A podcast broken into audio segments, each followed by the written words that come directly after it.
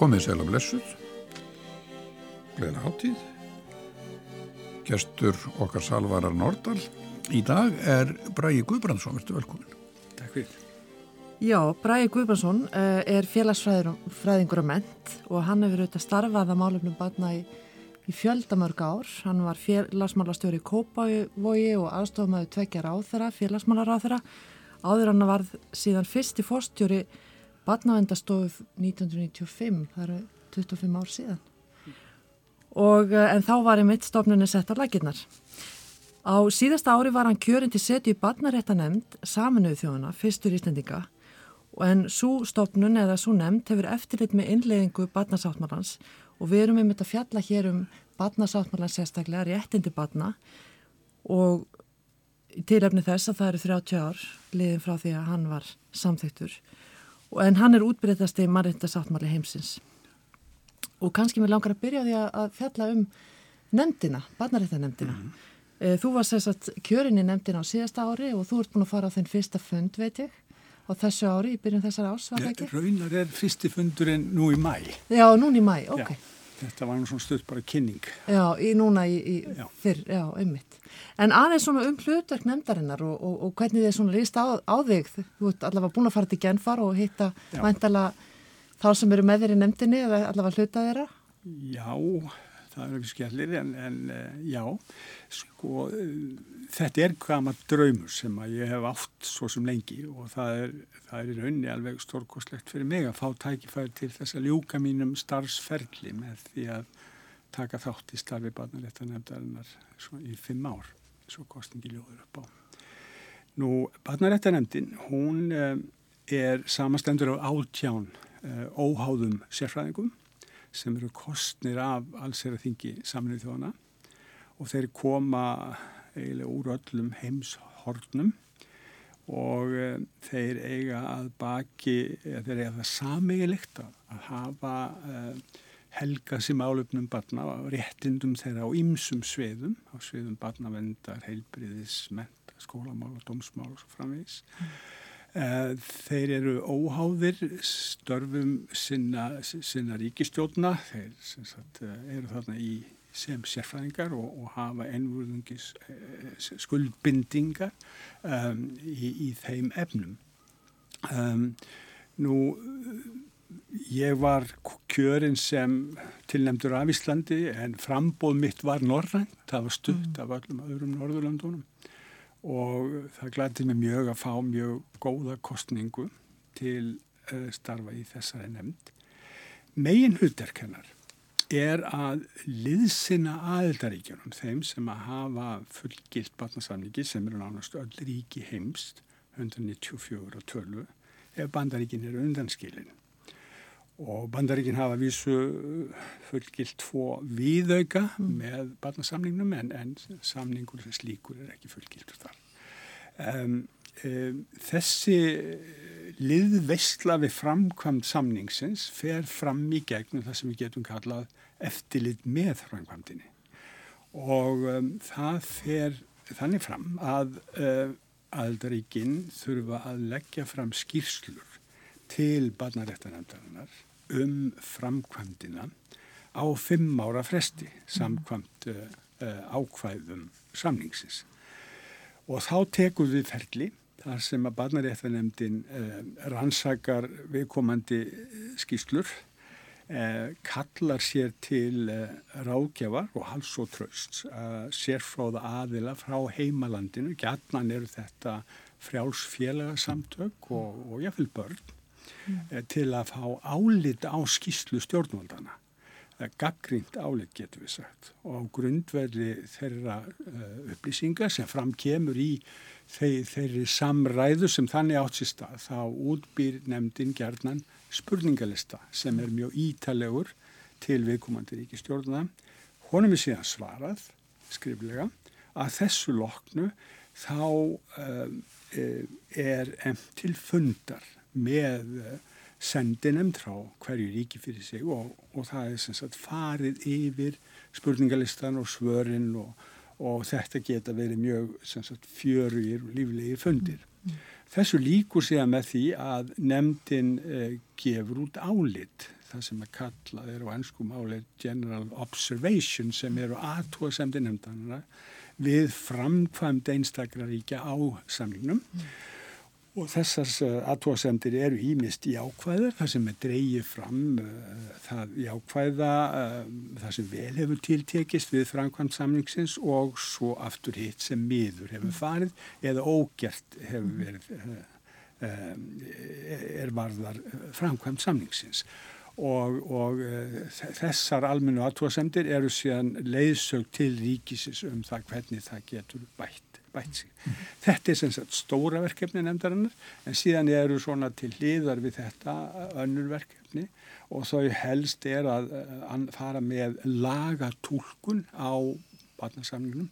Barnasamningurinn er lífandi og tegur mm. stöðbreytingum og það eru gefin út svona um, það sem kallað er á ennskumáli general comments mm. eða almennar aðtóðsendir við framkvæmt einstakra grein eða efnis þáttar um, í samningnum og það er búið að gefa út yfir 20 slíkar almennar aðtóðsendir til útskýringa á einstökum greinum eða ákveðnum efnisþáttum samningsins til dæmis yfir skólamál og heilbriðismál og vennbarna gegn ofbeldi svo eitthvað, eitthvað mm. síðan Loks þá vil ég nefna það sem kallaði general, Day of General Discussion eða það er að segja að það er einn dagur á árið sem nefndin helgar einhverju tilhættum málefni sem talið er að hafi af sérstakar þýðingu fyrir, fyrir framkvæmd barnasamningsins. Þannig að þetta er, að þessi nefnd er eftirlitsaðili og leiðsagnaraðili. Já, það, það er alveg á rétt. Mm. Hún, hún á að hafa svona fóristu um tólkun sammingsins Já. og uh, hún á að vera uh, marka leiðina fyrir mm. Aðeldaríkin uh, að þjóðsamfélagi við, við, framkvæmdina. Já og þessar, einmitt, þessar almennu aðtóðasemdir eru mjög mikilvægar fyrir tólkunina fyrir þá sem eru að vinna í þessum vettvangið. Afskaplega. Þar er að finna mjög mikla leiðsunni í alveg smáatröðum um það hvernig heppilegt sé og hagfældast fyrir börnin að framkvæma einstug atriði og í tengslu með þetta langar mig aðeins að koma og framfæri sko nokkur um almennum atfarsemdum um barnasamningin vegna þess að hann er uh, einstakur uh, sem tekið mið af alþjóða uh, samningum mm. Eh, yfirleitt eru mannréttindasamningar, þeir eru svona það sem við getum kallað lýsandi, þeir hafa geima lýsandi réttindi, ykkur réttindi sem er búið að tryggja þeim sem samningurinn fjallar um. Og þannig er það með, með eh, barnasamningin, þetta er stundum kallað deskriptív eða lýsandi enginni. Barnasamningurinn er hins vegar ólíkur þessu að þýletunum til að hann er líka normatífur það er að segja hann hann er, hann er um, hefur að geima eiginlega um, tækifæri eða um, möguleika til þess að þróa þessi réttandi áfram og þannig að þau taka breytingum með breytum samfélagsháttum. Mm. Þannig að hann er í þeim efnum uh, normatífur og, og dýnamískur að hann er, er reyfi af breytinga og það gerir uh, það verkum að þessi grundvallar uh, regla, barnasamningin með það sem að barni fyrir brestu, mm. að það má segja að, að það sé sífælt að taka breytingum og það lítur að gera það eftir því sem að, að sögunni vindu fram. Þannig að við hljótum alltaf að, að og, eh, og, og það er það er svo magna með barnasamningin að e, sko þegar hann kemur til sögunar að þá inniberan í seg, má segja eiginlega byltingu á hugsumanna um börn, hvernig mhm. menn hugsa um börn um, Já, krefst svona hugafast breytingar já. algjörlega eh, all, eh, já, allra sem koma að málefnum barna. Einmitt og, og Thomas Kuhn heimsbyggingur hann skrifaði í bóksinni Structure of Scientific Revolution þá talaði hann um það að þekking manna hún þróast í stökkum já, mm. og, og hann kalla, notaði orðið paradæm eða viðmið til já. þess að lýsa því hvernig þekking vísindana til dæmis, hvernig hún hún tekur stakkaskiptum dæmi þetta er til dæmis heimsín manna á miðöldum þar sem að menn trúðu að, að voru trúðu geocentrism þar sem jörðin var í mm. miðdebill alheims og, mm. og, og, og þannig var heimsínin mm. svo breytist þetta með vísindamannum á borðu Galilei og Galilei og Kepler og fleiri og og, og þessi um, helocentrismi tekur við þar að segja að við, við, þá uppkvöta menn að þessu er akkurat döfugt farið svo að segja. akkurat, og, akkurat. og það verður svona bylting í því hvernig við skinnjum umhverfið. Og með nákvæmlega sama hætt er það með barnasamningin mm. að barnasamningin hann í raun og veru hefur á þessu 30 árum hann hefur gjörsamlega byllt uh, uh, skilningi okkar og viðþórfum til barna. Og hvernig Jú, þannig að við lítum í dag á börnin sem einstaklinga sem hafa sjálfstæð mannréttindi. Þetta var ekki fyrir barnasamningin. Mm. Þá var litið þannig á í rauninni að börnin væru eignu á ábyrð fóruldrana og, og ættu ekki sérstök réttindi. Mm. Eh, og bara þessi breyting, hún hefur gjörsamlega kollvarpað öllum þáttum er varðar börn á sviði allra uh, þeirra um, þáttar sem að, að skipta máli í þeirri umhverju og, og, og samfélagi. Mm.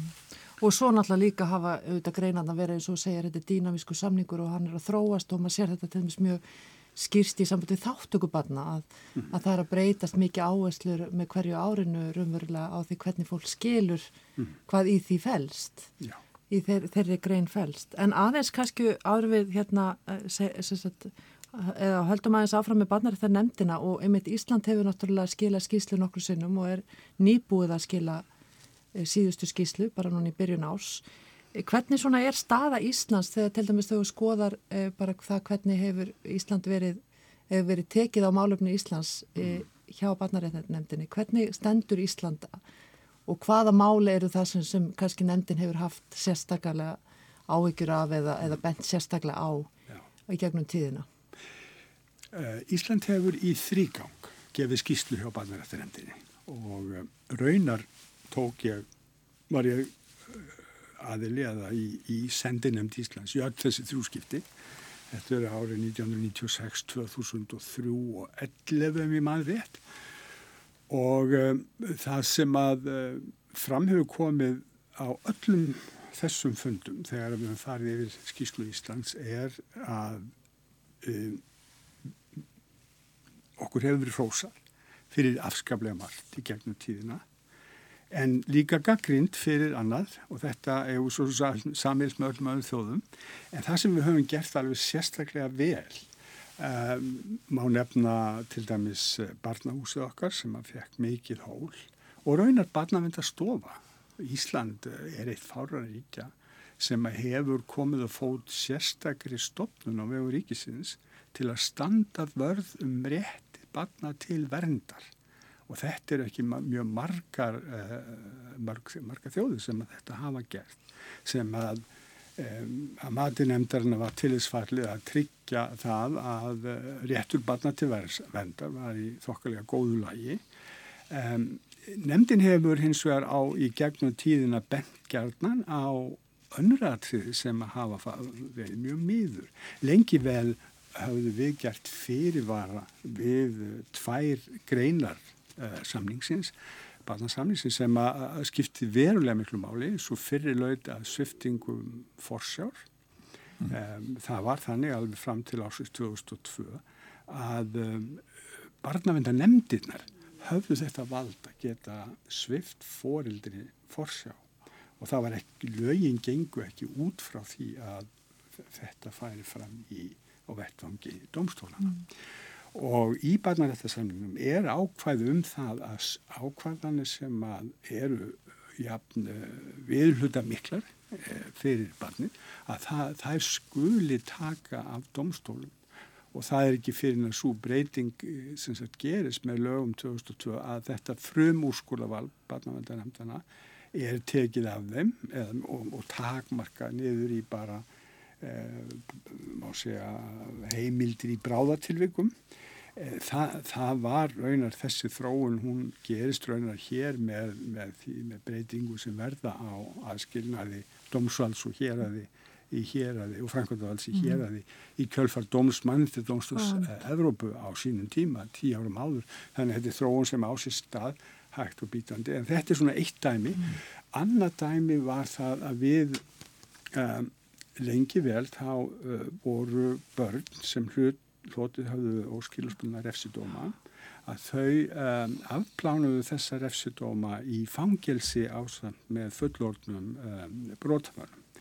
Uh, þegar að barnavendastofa kom til söguna 95 þá var það nú eitt af mínum fyrstu verkum að leita hófana um samningsgerð við fangilsmálastofnum sem að væri fólkinni því að það var hægt að bjóða þessum einstaklingum sem voru sækafir á aldrinum 15 til 18 ára sækafir en börn að þau mættu afplána refsidóma á, í meðferð á einhverju meðferðarheimili barnavendastofu mm.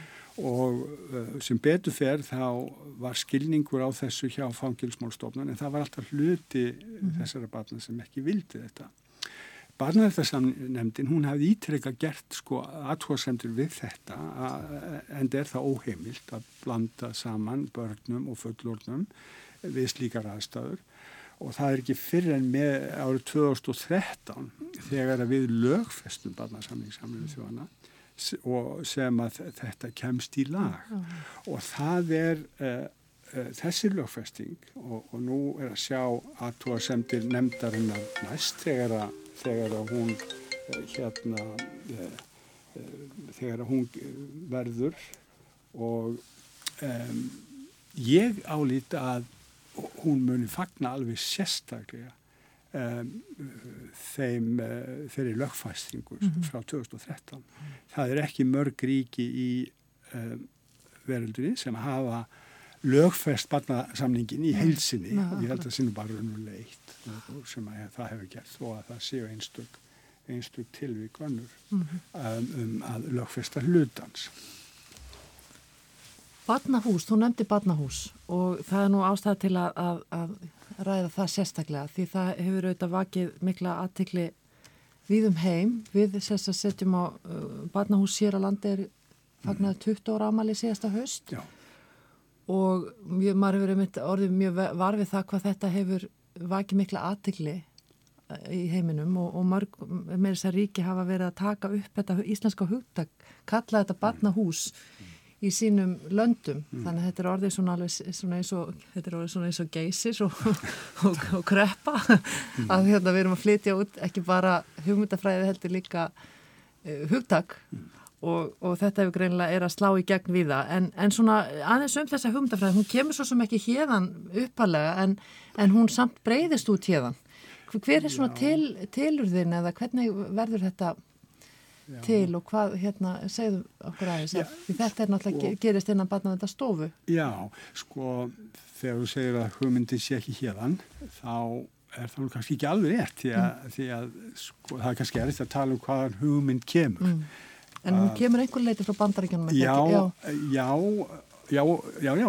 sko við, við lærðum mikið mm -hmm. þetta hjá, frá bandaríkjunum mm -hmm. en sko þegar að barna vendastofu er komið á fót að þá er eitt af hennar lögbunnu verkefnum það er að koma á fót uh, sérhafi þjónustu á landsvísu til þess að, um, að um, takast á við vandamál sem eru svo flókin að ekki er þetta ætlast til þess að einstug sveitafélug geti listu.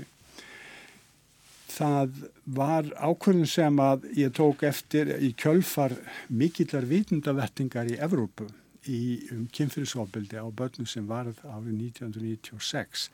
Um, þið muni kannski eftir uh, uh, uh, det trú um, málinu í Belgíu. Það, mm. það, var, það var hræðilegt um, mál þar sem að, að börn hafðu verið misnútt og, og raunar um, þau verið myrt og þessi, þessi atbyrði þeir kölluðu fram í gríðali viðbröð ekki bara í Belgjum, heldur með alla Evrópu, það voru yfir hálf miljón manna sem fór í kröfugerði í Brussel og, og kröfðust umbóta á þessu sviði.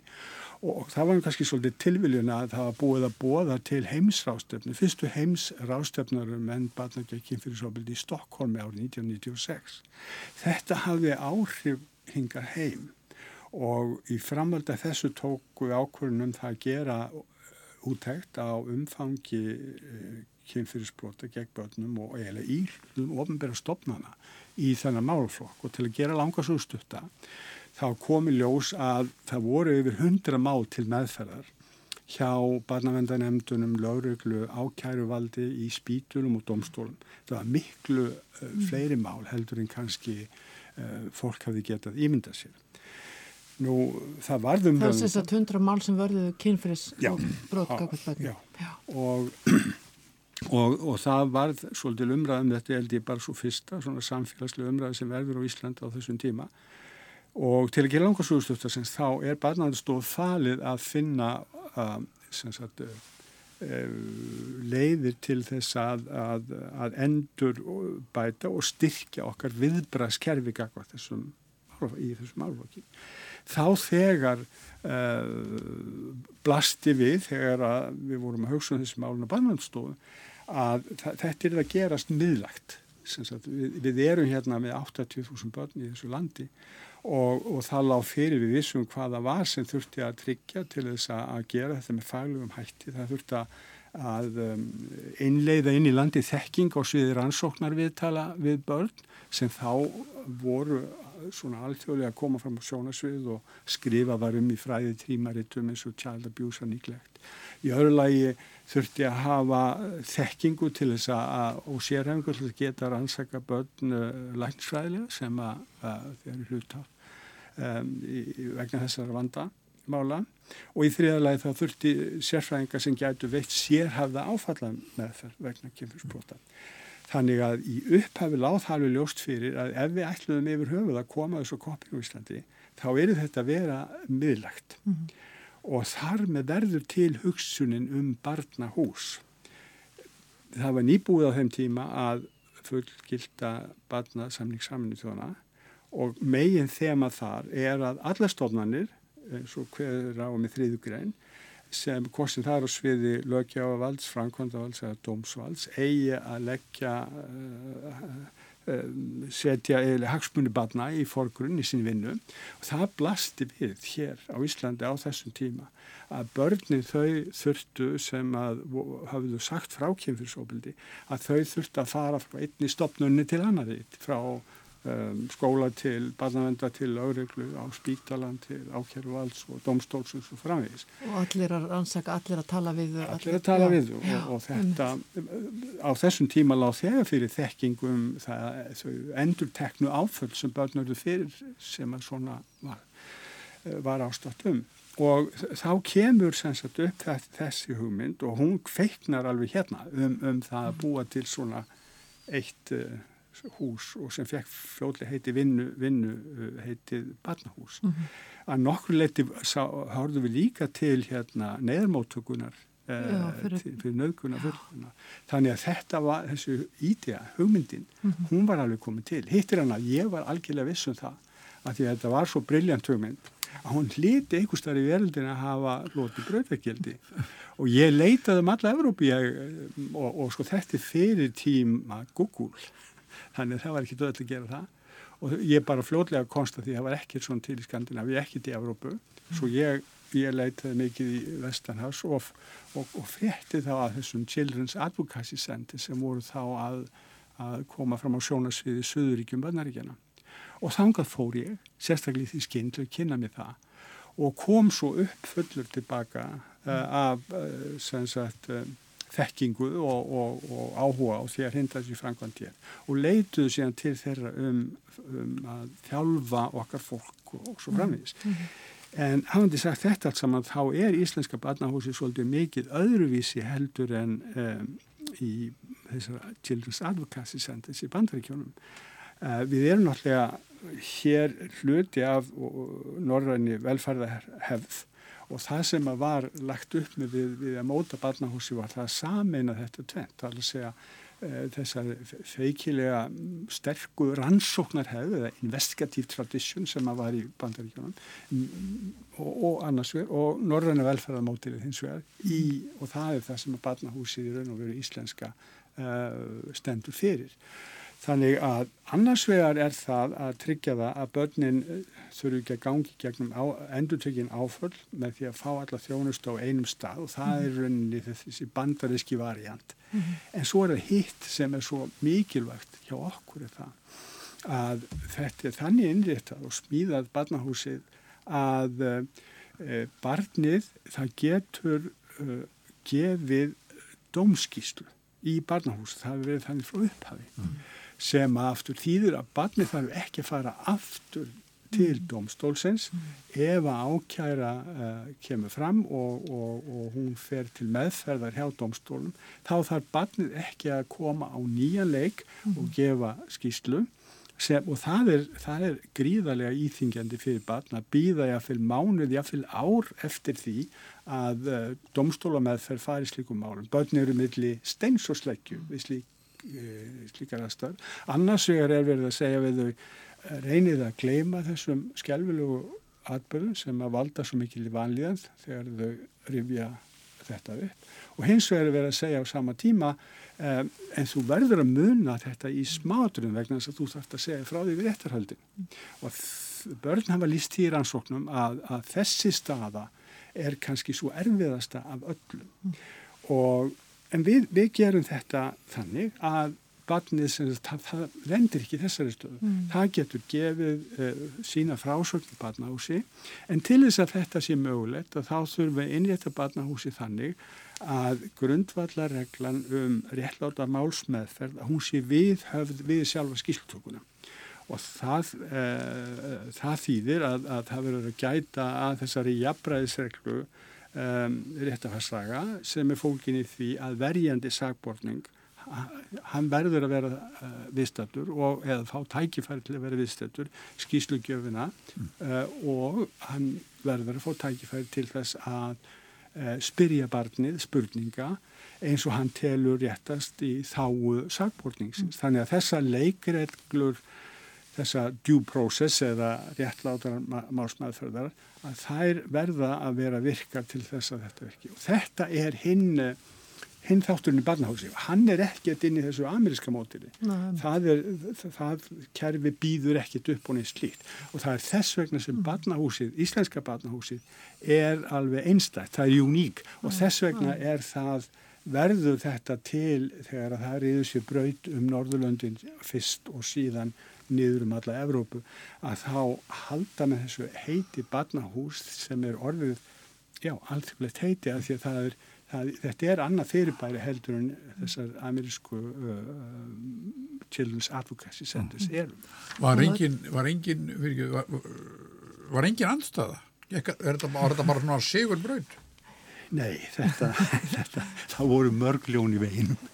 Eh, merkilegast er það þó að í upphafi að þá skildu hérna forvísmenn finnst mér Eh, Bói Nílsson þá verandi ríkis saksóknari um, og barnalagnarnir á, á barnaspítala Ringsins, Jón Kristinsson og, og fleiri og lögreglan að þeir skildu vera til í þetta, mm. þeir líti baka, mér finnst þetta að lýsa mm. mikill í framsýni Um, nú, domstólarnir, þá voru gildið þau lög að domstólarnir mátt ekkit koma að rannsókn uh, slíkra mála og uh, ég hafði að vísu svona ófólens samráð við domstjóra hér að stómsækjavíkur en þeir mátt ekki á því, þeim tímapunkti 97-8 þegar þetta er að komast á koppin koma þessu en, en, en uh, gerði sjálfsvegingar aðtóðsemdi við þetta.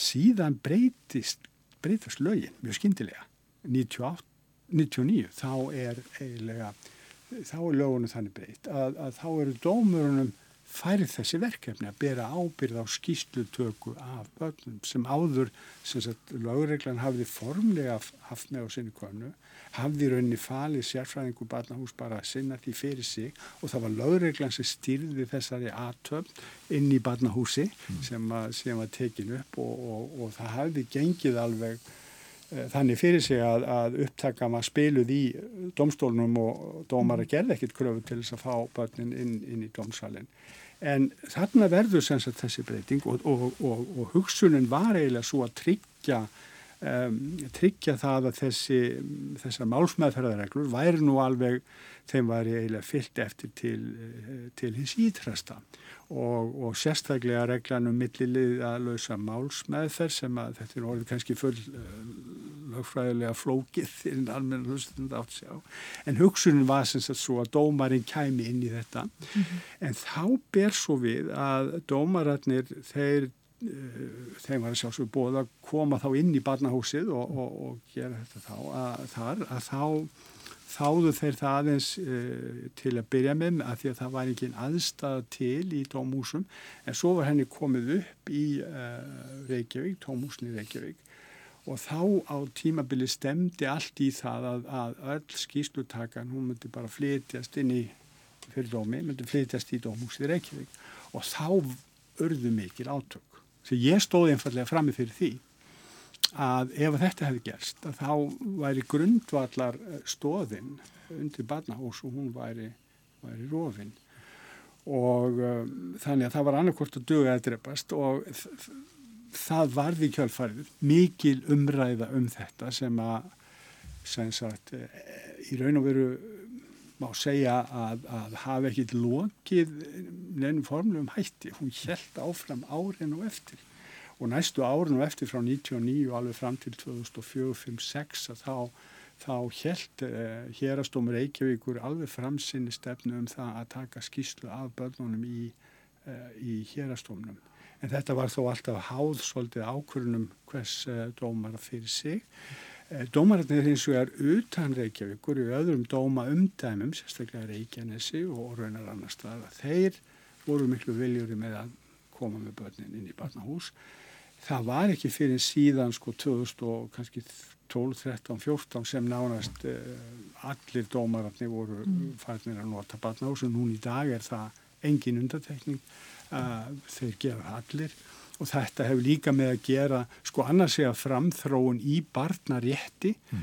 uh, og sérstaklega á sviði svo kallara child friendly justice sem að, að, að Evrópuráði hefur, hefur sérstaklega um, hérna og, og, og, og mannitund úrslutið Strasbourg hefur sérstaklega um, hérna með sínum dómafrænkvamdum uh, lagt áherslu á og svo náttúrulega það, það er yngri ný kynslu og lögfræðinga mm. sem eru mjög vel að sér í barnarétti sem að eh, eru orðni dómarar og það kvarla heldur ekki að þeim að snúa í eitthvað gammalt mm. kerfum það. Mm. Þannig að, að, að þetta er búið að vera mikil vegferð eh, mm. og það er mjög gaman að segja frá þessu í Európu. Þannig að mannum finnst þetta alltaf merkilegt. Og þetta er náttúrulega stór merkilt að koma. Ég eh, hef nú orðið þeirra hérna gæfu aðnáttat að koma hann í heimsók og þetta er alltaf stór, stórkostlegt að koma þann og sjá einmitt hvernig þetta er útbúið og, og það eru sérfæðingar sem tala við börnin og, og dómararnir bara hlusta og þeir eru ekki, þeir eru ekki sínilegir þannig að þetta er mjög, sagt, mjög vinsamlegt fyrir börn. Mm, mm, mm. því þannig eru þetta að koma lítil börn og börn á öllum aldri raunverulega í barnahúsið og svo var verið að opna svona út, útibúa akureyri bara arfi nýveri þannig að Útibúi kannski þetta full mikið, full duft í árni tekið en það er svona við endur nýja aðstöðu sem að þannig að það er hægt að gera þetta og... þarna líka já, já. Já, en dómararnir í okkar íslensku ég get ekki annað að tekið ofan hattin fyrir þeim í því hvernig þeir standa að þessu í dag og hafa gert raunur undarfæðin ár þeir hafa tilenga sér svo mikla fræðslu í þessum mm. efnum, ekki síst á sviði rannsóknar viðtala við börn. Þeir eru orðnir eiginlega sérfræðingar í að þekkja mm. gott rannsóknar viðtal og greina það frá óttur vondum.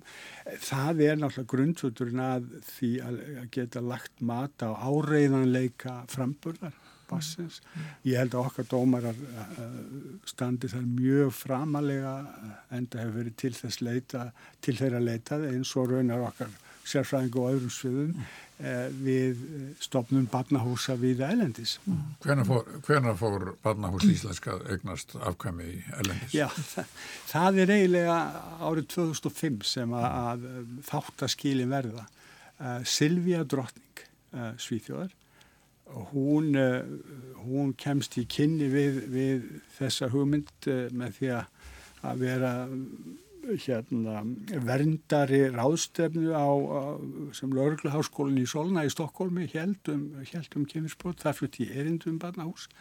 Hún hlusta á þetta og ég fekk bóð í hlénu um að hitta hana í, í, í kaffipásu. Og þetta verður til þess að hún kemur, þegar hún kemur til Íslands í ofnbæri heimsók þá byður hún um að fá að heimsækja barnahús. Mm. og akkurat 12 mánuðum eftir að hún heimsækja barnahús hérna og hrifs svona af þessu þá fekk ég bóðum að koma til eh, Linköping í Svíþjóð og ávarpa uh, opnun barnahúsið þar á samt drottningunni mm. og síðan hefur hún verið um, mikil baráttu kona fyrir barnahúsum og, og stutt við bakið á þessar framlags. Um, þetta er 2005 í Svíþjóð, fljótlega, bara einhvern 5-6 ára setna, þá eru komin sko barnahús í 30 borgum í Svíþjóð. Uh, sænski hann hafi líka komið hérna í barnahús og hann vannaði þessu mjög ötulega. Eh, Norrmenninni voru byrjaðir á þessum tíma líka og þeirra fyrsta barnahús er 2007 og þau eru núna 12 í 12 borgum driftum Noreg. Danir koma svo miklu setna, 2013, en þeir gefa það með bravör. Þeir eru eina ríkið sem, a, sem að leggja fram frumvarpin í þingin og undibóða stopnum barnahúsa með því að, að samþykja sérstök lög og það er Danmörku skipt upp í fimm regionir mm. eða svæði og í ákverju svæði er barnahús og þar eru sveitafélagun með lögreglu, barnavendar yfirvöldum og heilbríðsektorum þeim er skilt að fara mál inn í barnahús eða með skustu tvær stopnarnir eða tvær af þess, þessum þremur greinum er að, er að fjalla um, um, um mál þá er skilt að fara með unni barnahús og þeir hafa gert þetta með miklum brafur.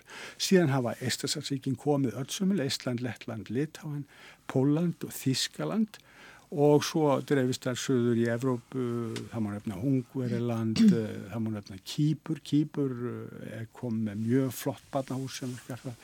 Um, ég er búin að vera í, Nór, í Skotlandi, Írlandi, Breta, maður ekki glemja því að það eru tvö í, í London. Þannig að þetta er í raun og veru, ég tel svo til að þetta sé á meðli 20, í kringu 20 ríki sem mhm. eru svona í, í með barnahús eh, starfandi eða það er í pípun. Mhm. Já, þetta er mjög merkjöld hvernig þetta hefur þróast og þetta er auðvitað líka eins og segir, þetta er svona dæmið um það hvernig líka uh, breytt við fyrir kvakart börnum og réttindi barna þarna eru, eru í forgrunni þannig að það er að breytast það hvernig, hvernig við tölum við börn og hvernig börn er yfirherð og það þurfa að taka sérstaklega tillit til til þeirra réttinda og, og, og, og venda þau sérstaklega í þessum, þessu ferli en þú auðvitað náttúrulega, við getum ekki alveg hætt hérna áður en áður að tala um barnavendamálin líka mm. svona kannski breyðara samingja því þú ert náttúrulega búin að vera í þeim geira lengi og barnahúsu auðvitað tengist ákveðnum hluta og þeirra mála en, en aðeins bara hluta en En það hefur náttúrulega ímestett gerst á, á þessum 25 árum síðan þú barnavendastofa var sett á laginnar og, og kannski aðeins fyrst bara um það hvernig, hvernig til dæmis hafa, hafa, hafa viðþorf í barnavendamálum breyst út frá réttundum barna. Mm. Já, var breyst. Við höfum kannski verið að hugsa svo mikið barnavend er, er náttúrulega mm. vend barna er fyrst og fremst en, en auðvitað barnasáttmálinn gerir líka uh, ráð fyrir þáttöku barna og svo mörgu öðru þannig að Já. Sko stundum er, er, er réttindu barni í barnasamlingunum skiptið býð þrenn. Það er eh, sem er einsku kallaðið three P's eða Já, um.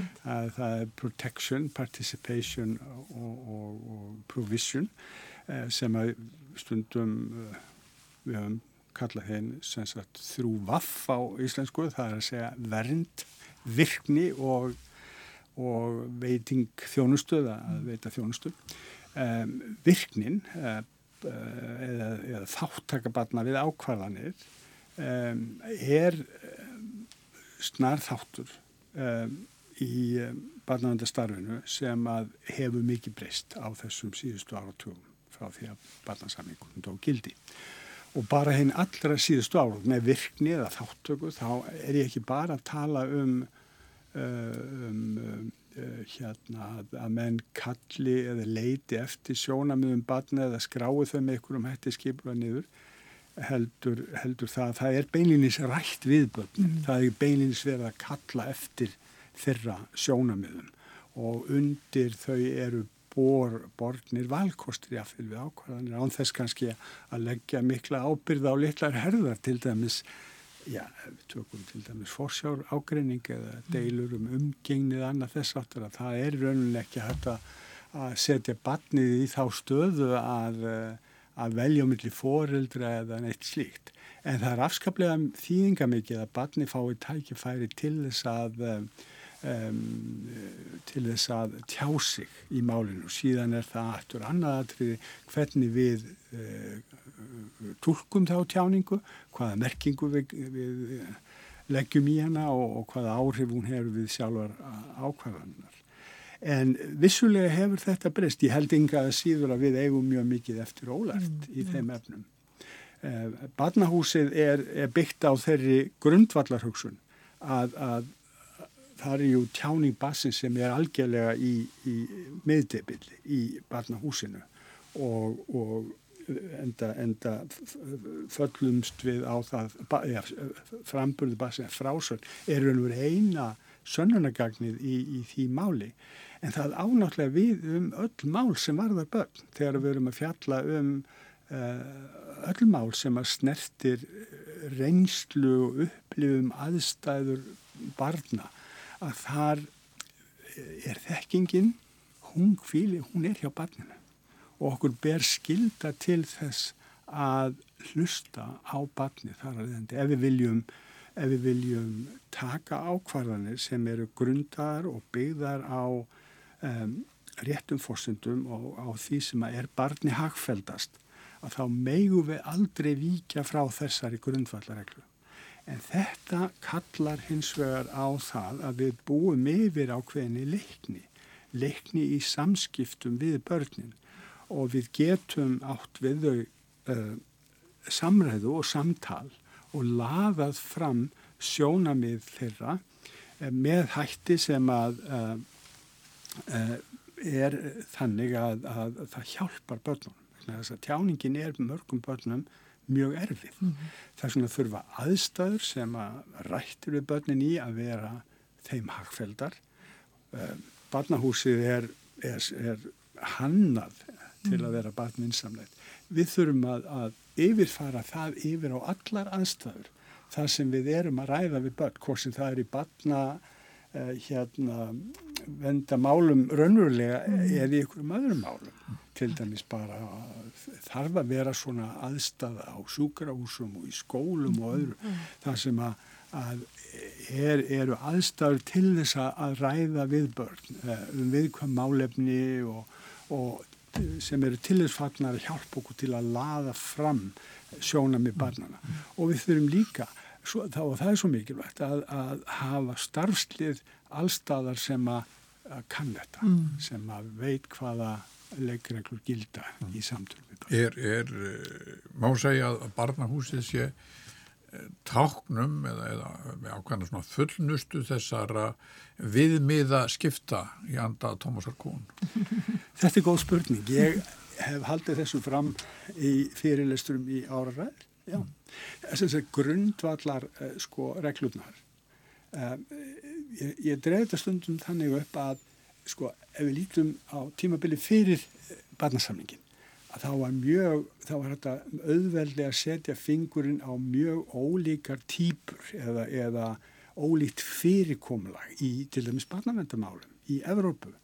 Eh, það var í Breitlandi og einskumælduríkjunum svo kallað Child Rescue Model sem að byggðist á því að bjarga barninu. Þetta var svona einhvern veginn lessi feða eða það var ekki eiginlega grípið inni fyrir en allt var komið í óöfnu og það var barnum bara tekið. Mm og þetta var kerfið. eins og var kannski hér á landi líka. Já eins og var hér á landi einmitt. Og, um, og síðan en á meilandi Európa var annað kerfi.